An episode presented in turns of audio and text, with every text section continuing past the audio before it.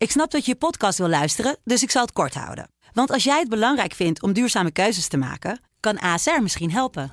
Nou hoor ik je denken, hoe dan? Nou, bijvoorbeeld bij het duurzaam herstellen van schade. Of de premies die we beleggen volgens ons duurzaam beleggingsbeleid. Dat bepaalt waar we wel en juist niet in investeren.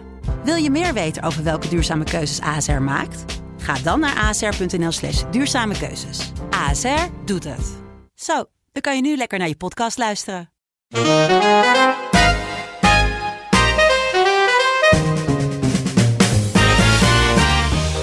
is Bonte Was Podcast. Uw favoriete wasprogramma over mediamissers en opstekers. Ik ben Wancy Muller. En ik ben Zoe Papa Economo. En dit is een speciale bonte voorwas als opmaat naar een nieuw seizoen deze zomer. We hebben twee keer een bonte was kort gedaan dit uh, nieuwe jaar. En nu weer een iets langer wasje samen, want er is natuurlijk weer genoeg te bespreken. Zoe, jij raakte nogal geërgerd door een bericht op nos.nl.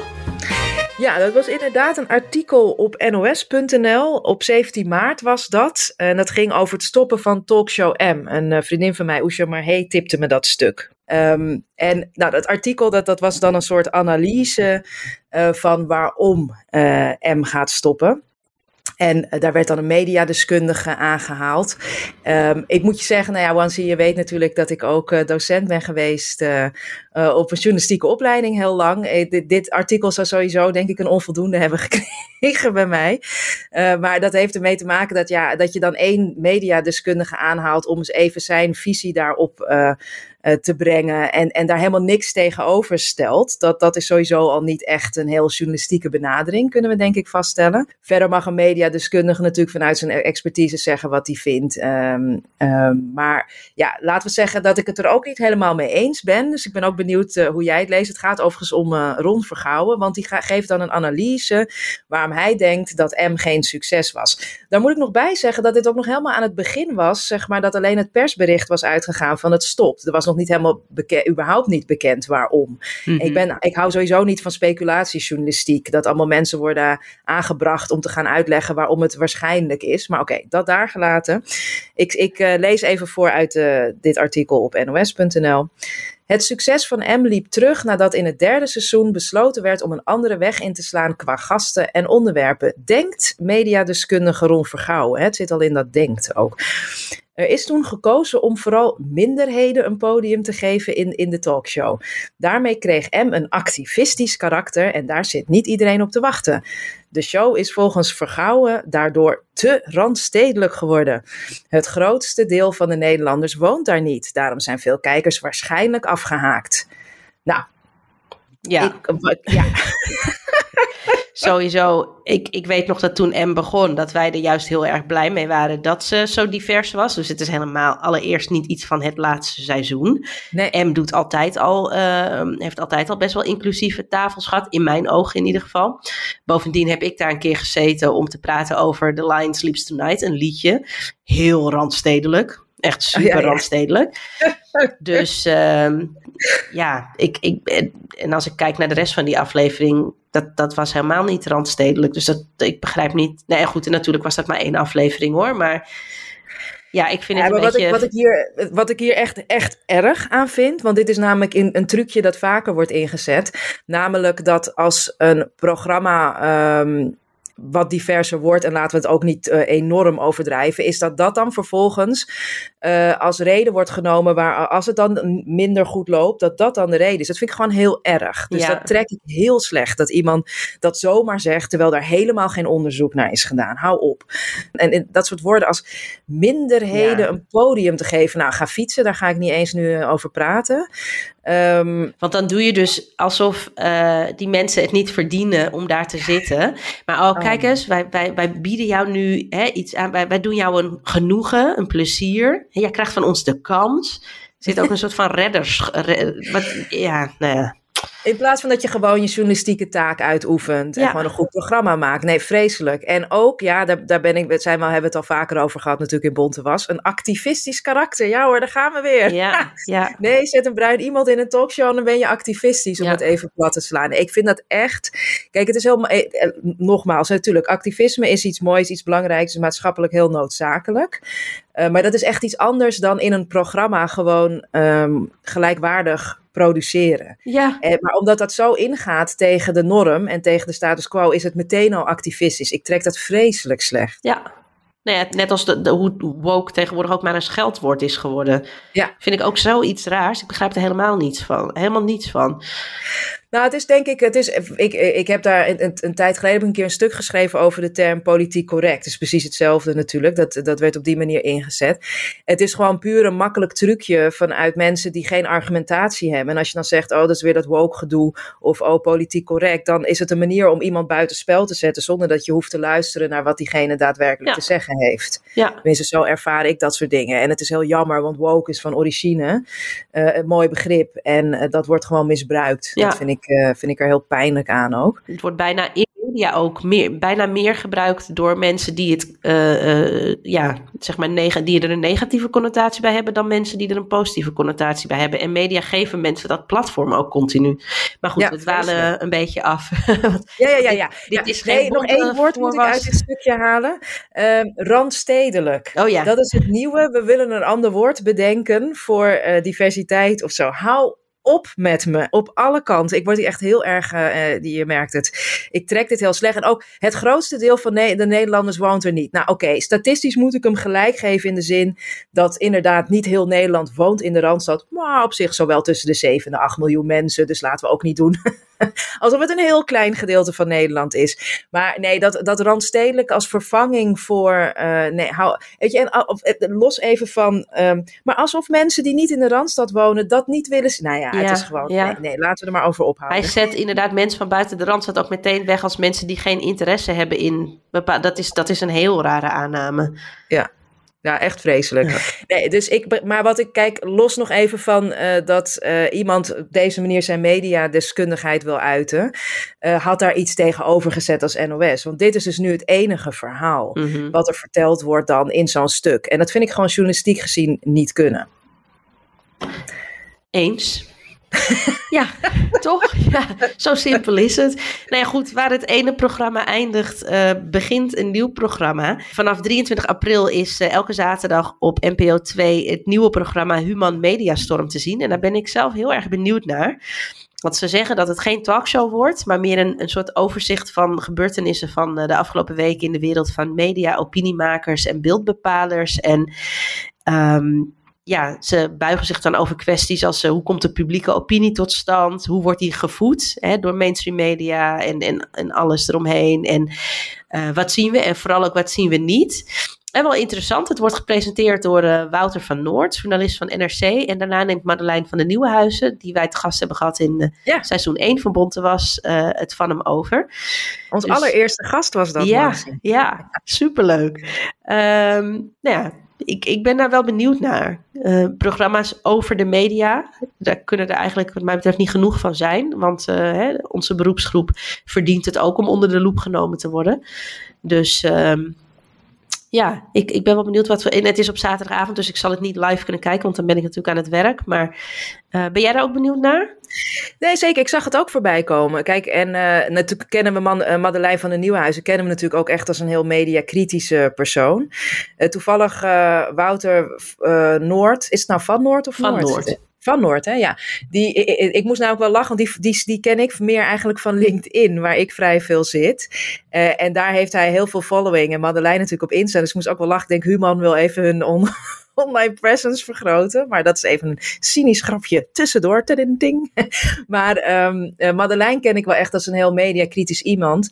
Ja, Wouter van Noord iets minder. Maar goed, daar zal, dat is misschien ook omdat hij een bepaalde content dan op, op, um, op LinkedIn post. En misschien um, dat op andere vlakken wel doet. Dus ik ben er zeker heel nieuwsgierig aan. Ben het ook, uh, nou, ik ben, ben het helemaal met je eens dat mediakritische programma's zijn heel erg belangrijk. En dat Madeleine daar aan meewerkt, schept ook wel vertrouwen dat, dat dat op een manier gebeurt dat het ook nou, hopelijk um, nou ja, ook intersectioneel wordt benaderd. Kijk, een heel klein dingetje, maar dan, dan vinden mensen me vast weer een zeursnoor. Maar goed, dat is al dan wel. Ja, kijk, ik, ik, ik vind de, de presentatorenkeuze wel weer een beetje voor de hand liggend, zeg maar. Dat, mhm. Ik ben er blij mee, zeker met Madeleine. Maar denk ik, ja, het was toch ook alweer was wel leuk geweest als dat misschien... Um, Iets minder wit en mannelijk? Ja, ja, toch wel. Dan denk ik, ja, het is, het is zo, ja, dan doen we een man en een, een, witte man en een witte vrouw. En ja, het gaat natuurlijk ook, natuurlijk gaat het om de inhoud. Maar dan denk ik, ja, er zijn natuurlijk, het zijn echt wel een stuk meer mensen die uh, zich heel kritisch met media bezighouden. Ja, dus dat, ik vind het niet een heel gedurfde keuze. Maar ja, ja, het zijn wel twee nieuwe namen op tv, dus hè, dat, dat moeten we ze moeten we ze geven. Maar, um, en we, dat, want dat, hè, ik ga nu, ik ga nu zo, zomaar advocaat van de duivel spelen, want ik ben het natuurlijk gewoon met je eens hoor. Maar um, dat, hè, dat, dat we niet weten wie ze allemaal gevraagd hebben. Want dat gebeurt natuurlijk ook wel eens. Hè. Dat is nog wel eventjes iets wat ik wil aanstippen.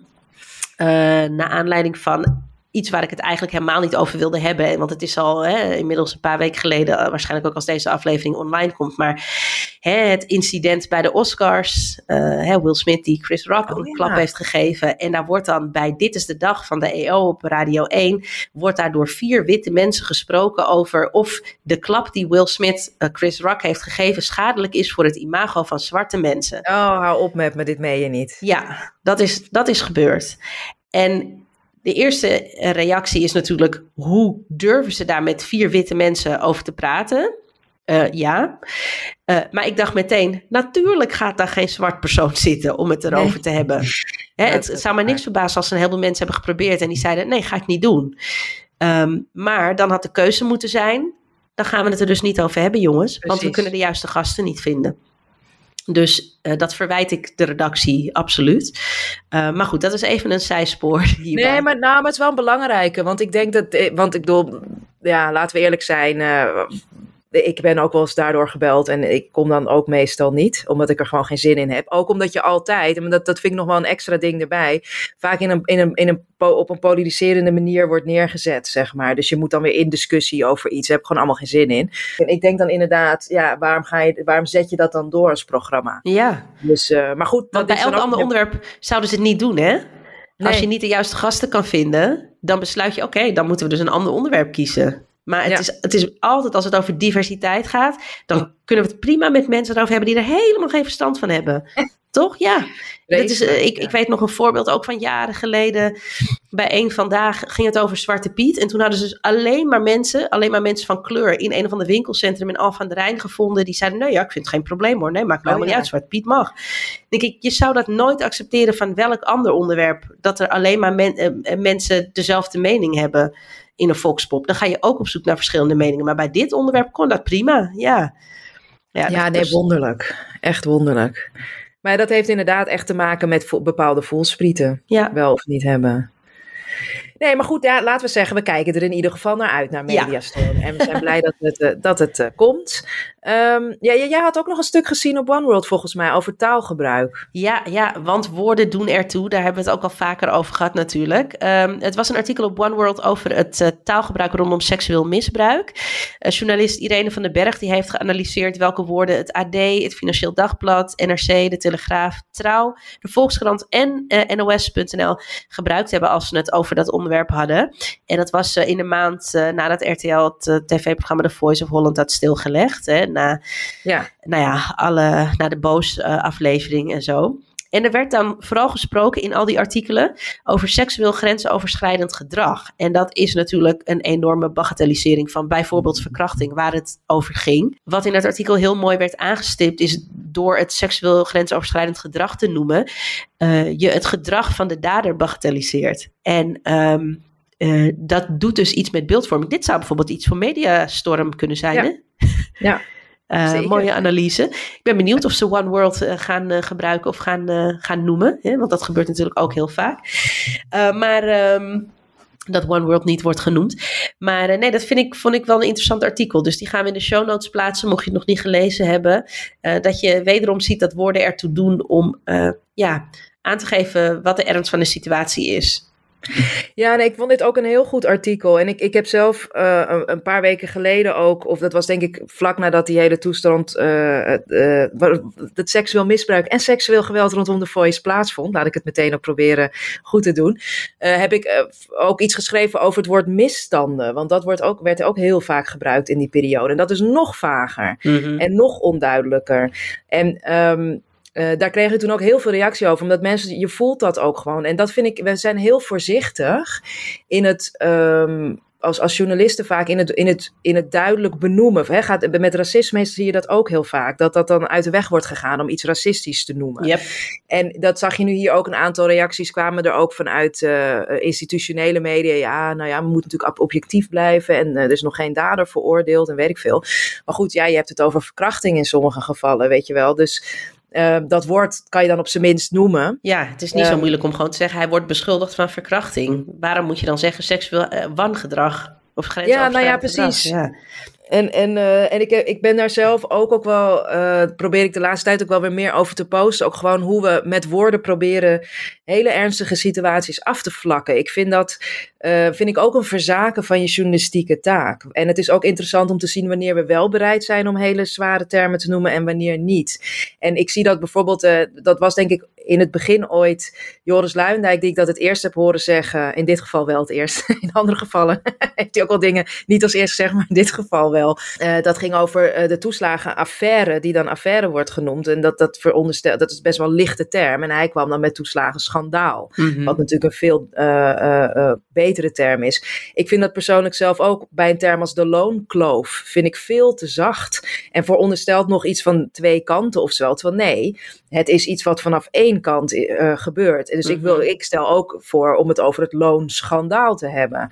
Uh, of ook zoiets kostelijks. Onlangs kwam er dan allerlei berichtgeving um, over dat er was dan een groot onderzoek weer geweest. Dat ja, totaal niet verrassende uitkomst, maar oké. Uh, dat de, de rijkste schouders in Nederland natuurlijk niet de zwaarste, verhoudingsgewijs niet de zwaarste lasten dragen. Nee, dat zijn natuurlijk de armste schouders. We zijn zo'n leuke sociale welvaartsstaat. Maar dat, ik, wat ik heel interessant vond ook weer, en dan zie je ook weer hoe onze journalistiek, hoe onze journalisten eruit zien, hoe werd dan over heel opvallend. Ik denk, nou ja, als je ergens aan de onderkant in Nederland weet, dan weet je dat dit niet opvallend is. Maar oké. Uh, maar ook dat werd met hele um, lichte termen allemaal uh, beschreven. Dus de herverdeling werkt niet en noem het allemaal maar op. Terwijl ik denk, ja, wees gewoon eens veel duidelijker in wat er gaande is. Durf dit uh, te benoemen. Um, nou ja, durf dit te benoemen. Het klinkt alsof je, alsof ik wil bijna zeggen, alsof je activistisch bent. Nee, maar ik bedoel, dat is toch je taak? Eens. Ja. Ja. Nou ja, goed. Nou ja, en overigens, dus... met activisme is niks mis, hè? Nee. Want, want die, die veronderstelde objectiviteit, daar word ik echt een beetje moe van. Dat is gewoon onzin. Je kijkt altijd vanuit je eigen blik en die is per definitie niet objectief. Dus dat is gewoon echt onzin. Ja, nee, nee dat, dat hele activistisch, dat, nee, inderdaad, activistisch is iets moois. En, maar dat dingen heel snel activistisch noemen, dat is gewoon het, het, het ongemak van de macht. Die ja. uh, niet weet hoe ze daarmee om moeten, kunnen, uh, om moeten gaan. Dat is gewoon ontzettend zonde. Uh, we hebben nog twee kijktips, hè? Ja, over ongemak gesproken. Uh, Safe Space is volgens mij wel een, uh, een nieuw satirisch programma waar een aantal mensen best ongemakkelijk van wordt. Ja, um, dat is een, een nieuwe, ja, het is een, een sketchprogramma eigenlijk, hè? Ja. Een humoristisch, absurdistisch programma van de, bij de VPRO van Clarice Gargard en Hasna El Maroudi. En ja, het gaat eigenlijk over ja, jeetje, hoe leggen we dat uit? Waar Safe Space over gaat? Nou, en mensen moeten het gewoon kijken. Maar het is inderdaad ja. een absurdistisch sketchprogramma. En uh, ja, uh, dat is gewoon heel melig. En, maar ook neemt zeg maar wel natuurlijk actuele dingen op, op de hak. Uh, op een hele grappige manier. En dat is ook wel... Ik las een interview met Clarice, zeg maar ter aankondiging ervan. Ja, het is ook gewoon een manier om... om maatschappelijk heel belangrijke thema's, waar zij natuurlijk allebei ook al heel lang proberen aandacht voor te vragen. Om dat eens op een andere manier te proberen. Maar ook op een manier dat je er zelf gewoon heel veel lol aan beleeft. En dat spat er ook wel van af. Dat vind ik er heel erg leuk aan. Ja, ja ik heb uh, allebei de afleveringen die tot nu toe uit zijn gezien. En zoals met elk sketchprogramma wat ik kijk, want ik kijk er wel meer.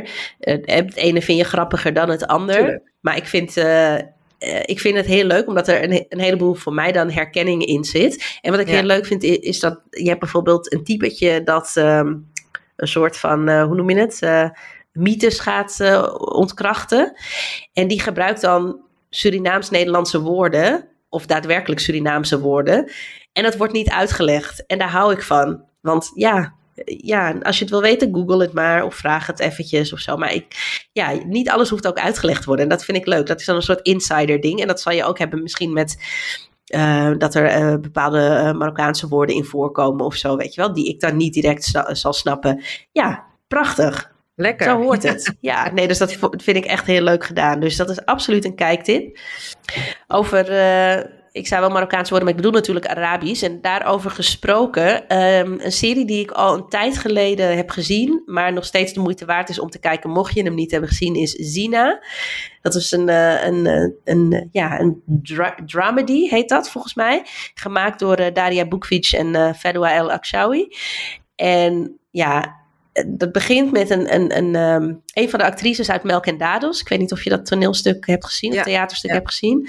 Uh, die gaat trouwen, maar op de dag van de bruiloft uh, te horen krijgt dat haar man is omgekomen bij een ongeluk.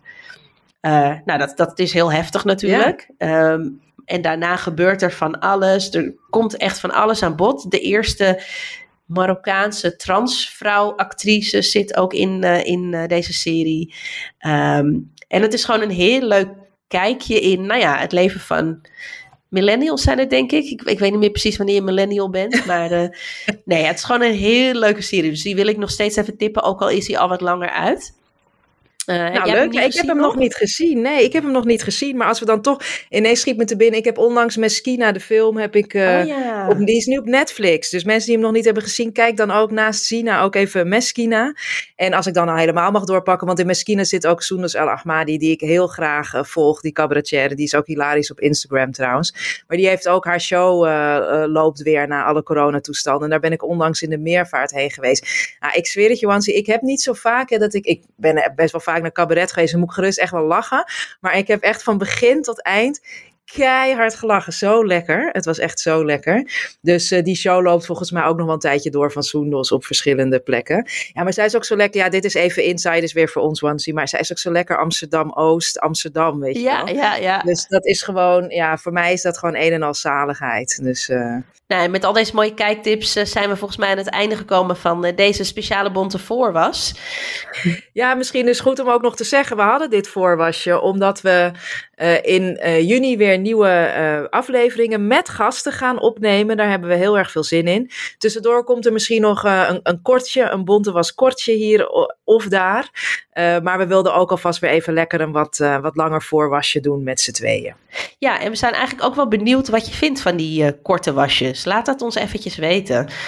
Want um, ja, vind je dat leuk? Of zeg je nou, ik wil eigenlijk gewoon dat jullie lange afleveringen maken? Ja, dan, dan weten we dat. Daar hebben we wel even behoefte aan. Dus uh, nou ja, nogmaals, uh, fijn dat je hebt geluisterd naar deze Bonte Voorwas. Abonneer je op onze podcast via je favoriete podcast-app en laat ook een recensie achter. Dat maakt het voor anderen makkelijker om Bonte Was podcast te vinden.